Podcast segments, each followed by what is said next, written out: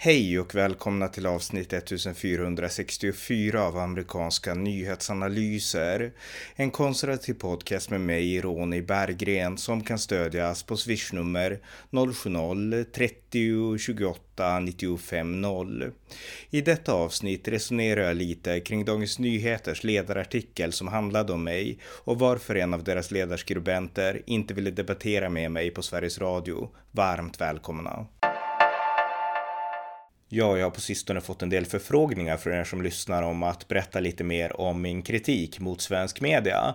Och eh, jag har väntat egentligen på saker att säga. Alltså mediekritik är någonting som amerikanska nyhetsanalyser bygger på. Eh, amerikanska nyhetsanalyser skapades 2008 för att jag ansåg att eh, svenska journalister, oavsett om de kom från public service eller från någon privat organisation, alltid skildrade USA ur demokraternas perspektiv. Och i den mån som republikanerna skildrades så gjordes det på ett sätt som fick dem bara att framstå obegripliga eller konstiga i svenska nyhetskonsumenters ögon och amerikanska nyhetsanalyser skapades för att kontra de narrativen. Men på sistone så har jag inte drivit så jättemycket mediekritik utan jag har pratat mer om andra saker och jag tycker redan att vi har etablerat det faktumet att det finns brister i svensk media så att jag har väl hittat lite andra intressen och vill mer driva ideologi och konservatism idag. Men hur som helst, för två veckor sedan så hände det en sak som man ändå kan ta upp för att ge ett exempel på eh, bristerna i svensk media. Eh, det var så här att jag hade bjudits in den 5 januari för två veckor sedan för att diskutera ettårsdagen av stormningen av Kapitolium, alltså den 6 januari 2021. Och eh, det var en debatt som jag tackade ja till och eh, jag tyckte att den kommer att bli helt omärkvärdig därför att det här är ett ämne som jag kan. Jag har följt med noggrant ända sedan dess och eh, mina åsikter och min syn på det som hände är glasklar. Jag skrev en artikel den 11 januari 2021 som heter Sagan om kraken, Donald Trumps valfuskteorier debunkade, där jag på 60 sidor går igenom de här valfuskteorierna och varför de är felaktiga. Och jag berättar sen om det som hände på Kapitol Kapitolium. Och eh, dagen efter, alltså den 7 januari 2021, så var jag också med på SVT och kommenterade den här stormningen. Och jag sa då att det var fruktansvärt det som hade hänt och att Donald Trump hade stort ansvar för det som hände. Så att min syn på saken är glasklar. Sen betyder inte det att jag köper Demokraternas nidbilder av allt. De försöker politisera det här och vinna väldigt många extra pengar. Jag köper inte heller svensk media syn på saker som man, där man ofta beskriver Trump-anhängare som våldsamma och sådär. Trump-anhängare är inte våldsamma. Det vet alla som har följt Trump-rallyn. Så att det här var liksom en anomali i liksom Trump-världen, det som hände den 6 januari. Det var inte liksom normen och det är viktigt att påpeka. Så att jag köper inte liksom nidbilden av det här heller. Men jag är kritisk till Trump och jag anser att hans hans eh, eh, prat om valfusk banade väg för det som hände och eh, där är mina åsikter offentliga och glasklara och konsekventa. Så att det här var en debatt som, eh, ja, jag liksom, det var inga märkvärdiga saker att, att diskutera det här. Och personen jag debatterade mot, det var Alexander Lange som är en svensk-amerikansk demokrat som jag har debatterat ofta med förut på SVT, på Sveriges Radio, på TV4 tror jag. Och vi har stött på varandra och träffat varandra i olika sammanhang. Så att det var liksom Eh, ja, jag vet vad han tycker och han vet förmodar jag också vad jag kommer att tycka och säga och sådär. Så att vi, vi liksom, eh, ja, vi visste ungefär det redan på förhand. Eh, men vi debatterade i alla fall det här och det var helt omärkvärdigt och jag sa de saker som jag säger till er nu att min syn då på Kapitolium och det som hände var glasklar. Så ingen märkvärdig grej. Ni som vill, ni kan lyssna på den här debatten på Sveriges Radios hemsida P1 den 5 januari. Sök på Ronny Berggren eller någonting så hittar ni klippet. Så att det i sig var inte så märkvärdigt. Jag har varit med på radio förut väldigt ofta och eh, en ganska liten sak. Men efter debatten så fick jag tips om en Twittertråd att en person, en kvinna hade twittrat om den här debatten och eh, jag klickar in på den här länken på den här Twittertråden och det var en kvinna som heter eh, Isobel Isobel Hadley Kamps heter hon och hon hade då twittrat om att hon var inbjuden till att debattera på Sveriges Radio ettårsdagen av stormningen av Kapitolium. Och då var det tänkt att hon skulle debattera mot Ivar Arpi, men Ivar Arpi fick förhinder och då nämnde de för henne att eh, vi har hittat en annan istället, Ronny Berggren som ja, är en Trump-supporter. Och eh, då kollade hon tydligen upp mig och kom fram till då att jag skrev för Bulletin, vilket jag inte längre gör. Det har också gått ut med offentligt, men eh, det kanske inte har kommit fram. Eh, men hur som helst, hon skrev då i sin Twittertext om, om, om det här då, att hon hade blivit inbjuden och, eh, och att hon skulle debattera mot mig. Och hon skriver då så här. Senare på kvällen får jag ett sms om att Arpi inte kunde och att jag istället skulle prata med för mig helt okänd Trump-supporter tillika bulletinkrönikör. Det finns många oerhört USA-kunniga i Sverige. Journalister, akademiker, tyckare. Att P1 väljer bort alla dem till förmån för en okänd Trump-supporter kan enbart ses som att det, tvärt mot försäkringarna som svar på mina frågor, se den här frågan som en debatt. Det vill ha en person som är emot statskupper och en annan som åtminstone är ganska för, för att i sina egna ögon nå balans i samtalet.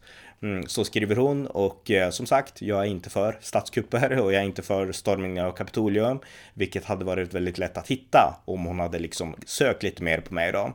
Och eh, sen protesterade hon då mot att hon skulle debattera mot mig. Och då fick hon svaret från Sveriges Radio att vi måste ju ha en åsiktsmässig motpol. Och då går hon emot den ståndpunkten och menar att man kan inte relativisera saker och alltid anse att det är bra med en motpol. Och, eh, och där håller jag ju för sig med. Jag menar till exempel om debatter som är avklarade behöver man inte liksom ge samma liksom status som andra debatter som inte är avklarade. Exempelvis om någon vill debattera för att månen är en ost med en vetenskapsman som tror att månen är en himlakropp. Då finns det egentligen ingen anledning att debattera det därför att där vi vet att månen inte är en ost. Så att, att ge de här två, liksom ge monostförespråkaren samma plattform som den som är astronom och sysslar med liksom himlakroppar och eh, sådana saker det är såklart ett slöseri på tid. Så att det argumentet köper jag. Men dels så förespråkar jag inte stormningen av Kapitolium och sen så finns det också ett annat argument som kan anföras här som jag kommer att komma in på om en stund. Men hur som helst, det kokade ner till att hon inte ville debattera med mig i alla fall. Och hon skriver dock, ska sägas, i det här Twitter-inlägget att det inte handlar om mig utan att jag kanske är både smart och intressant men premissen att hon ska debattera med någon som vill försvara Trump, den tycker hon inte om. Hon tycker att public service har gjort fel. Så jag läste den Twitter-tråden och sen så släppte jag det. Jag tänkte, ja, det spelar inte mig någon roll, någon anonym twittrare som inte jag känner till och som jag inte alls har hört talas om i de här USA-kretsarna där jag ändå är väldigt familjär med vilka som kan USA i Sverige och inte. De flesta av dem har deltagit på min podd bör sägas. Eh, och eh, ja, så jag tänkte inte mer på det. Men sen så dök det upp en ledartext på Dagens Nyheter med exakt samma text som i den här Twitter-tråden. Och då insåg jag att den här kvinnan, eh, Isobel Hadley Kamptz, är en ledarskribent på Dagens Nyheter, vilket jag inte hade en susning om.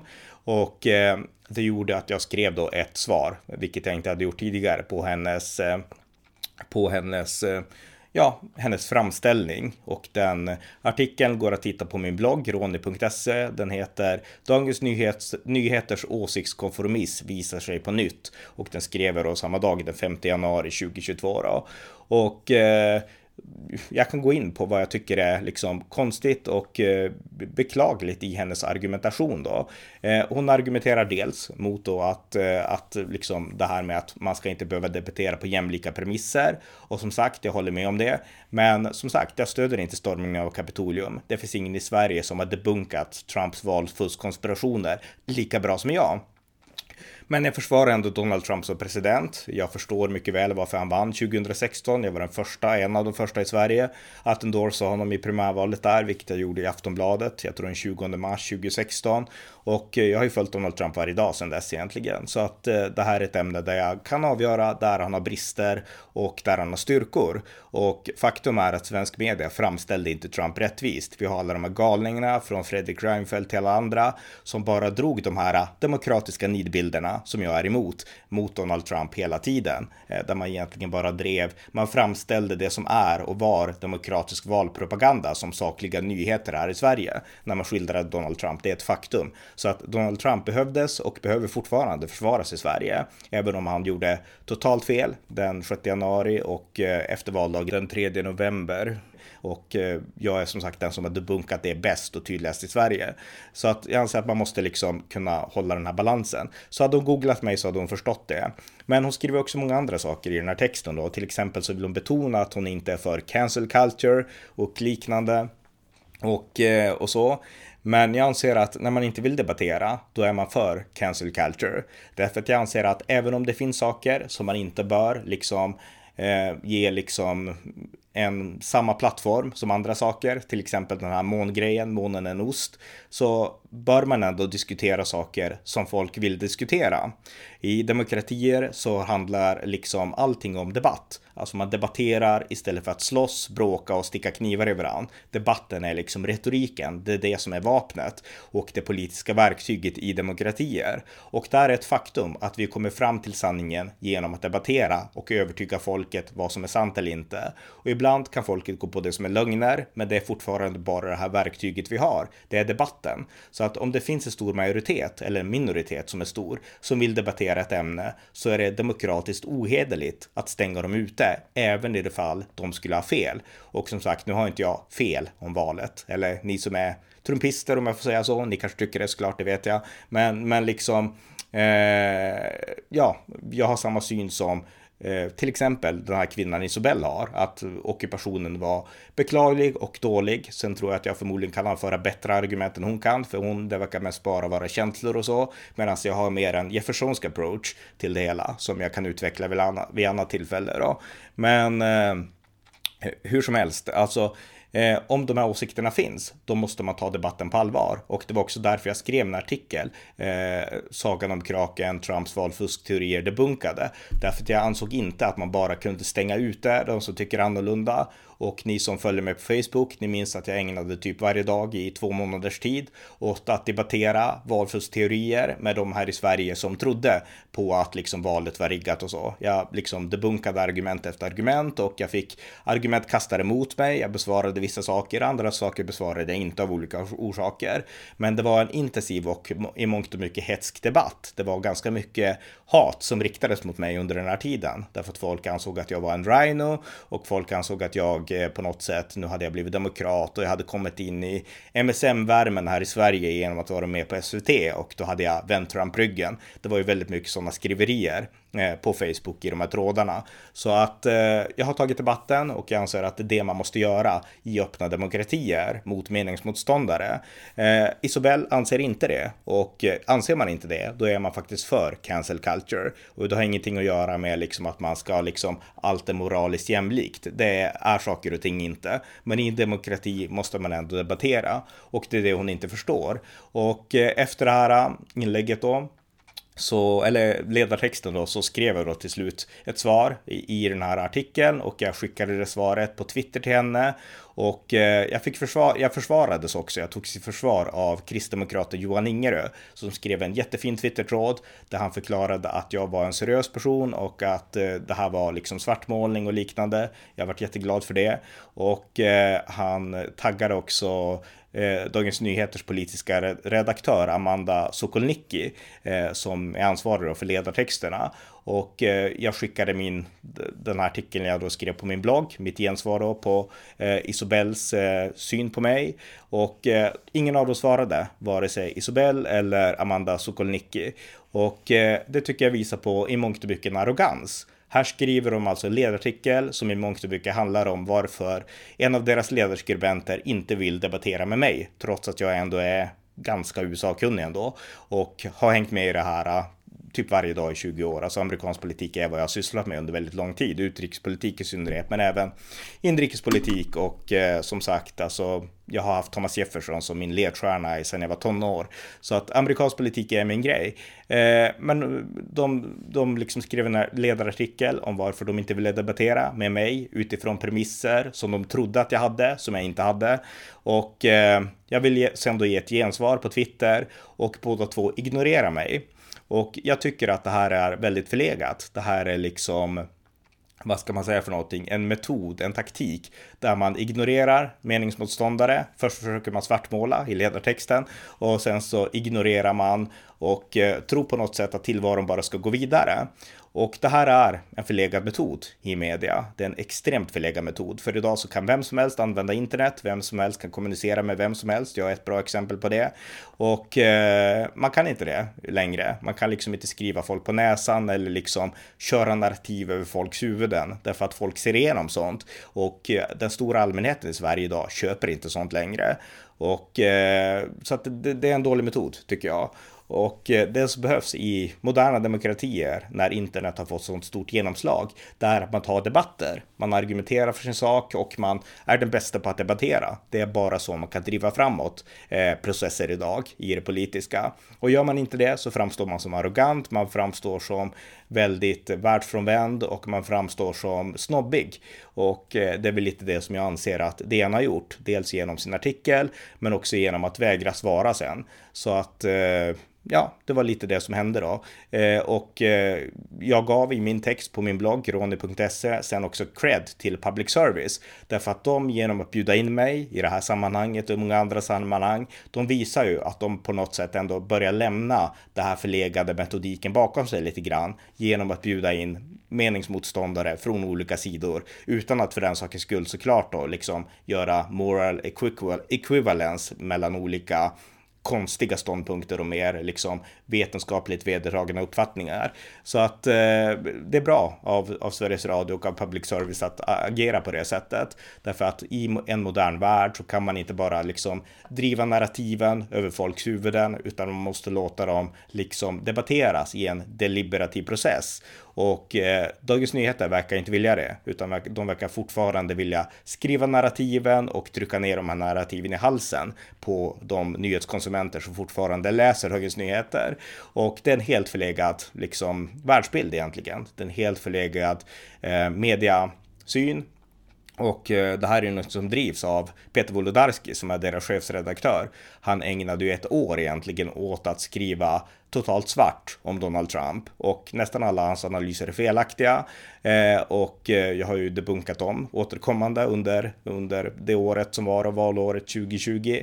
Och eh, de har samma tendens när det gäller Sverigedemokraterna och mycket annat. Alltså det är narrativ som de målar. De är inte intresserade av att diskutera sanning, detaljer och liksom nysta i trådar och liksom få perspektiv på saker och ting, utan de vill skriva narrativ och de har ju sin skribent också, Martin Gelin, som är USA-korre som jag är bekant med och träffat och sådana saker. En ganska schysst person, men eh, han lyckas inte heller beskriva USA på ett bra sätt därför att han klarar inte av att beskriva republikanerna på ett sätt som gör att de blir begripliga.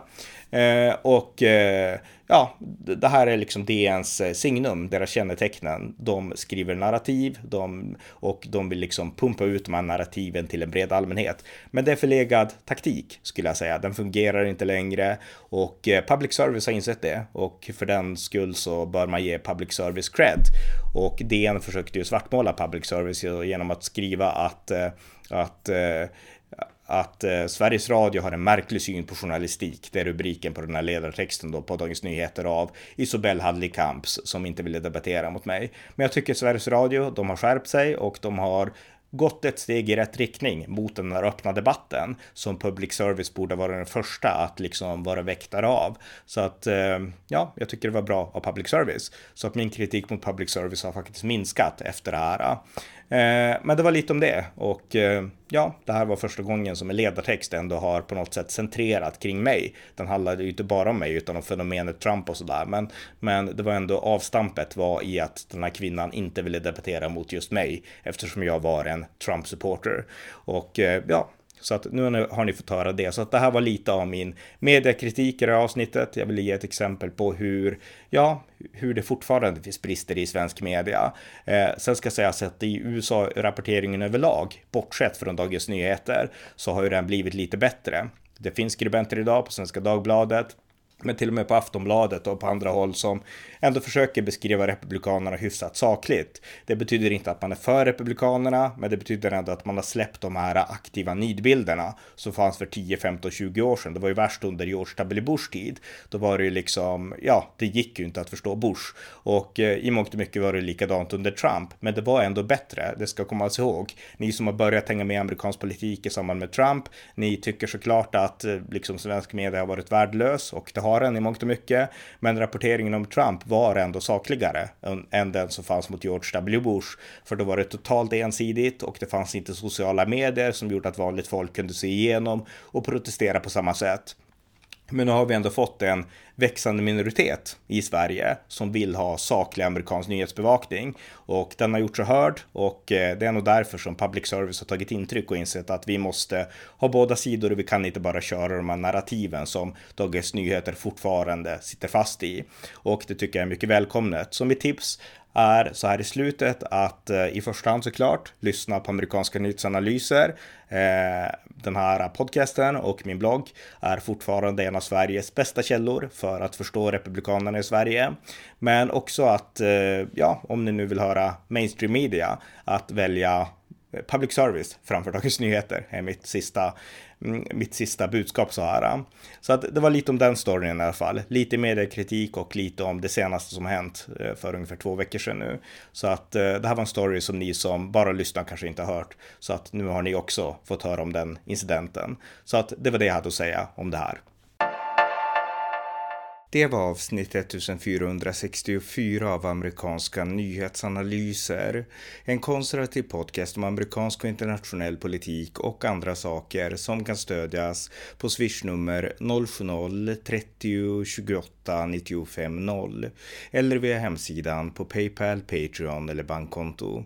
Det var allt för den här gången. Tack för att ni har lyssnat.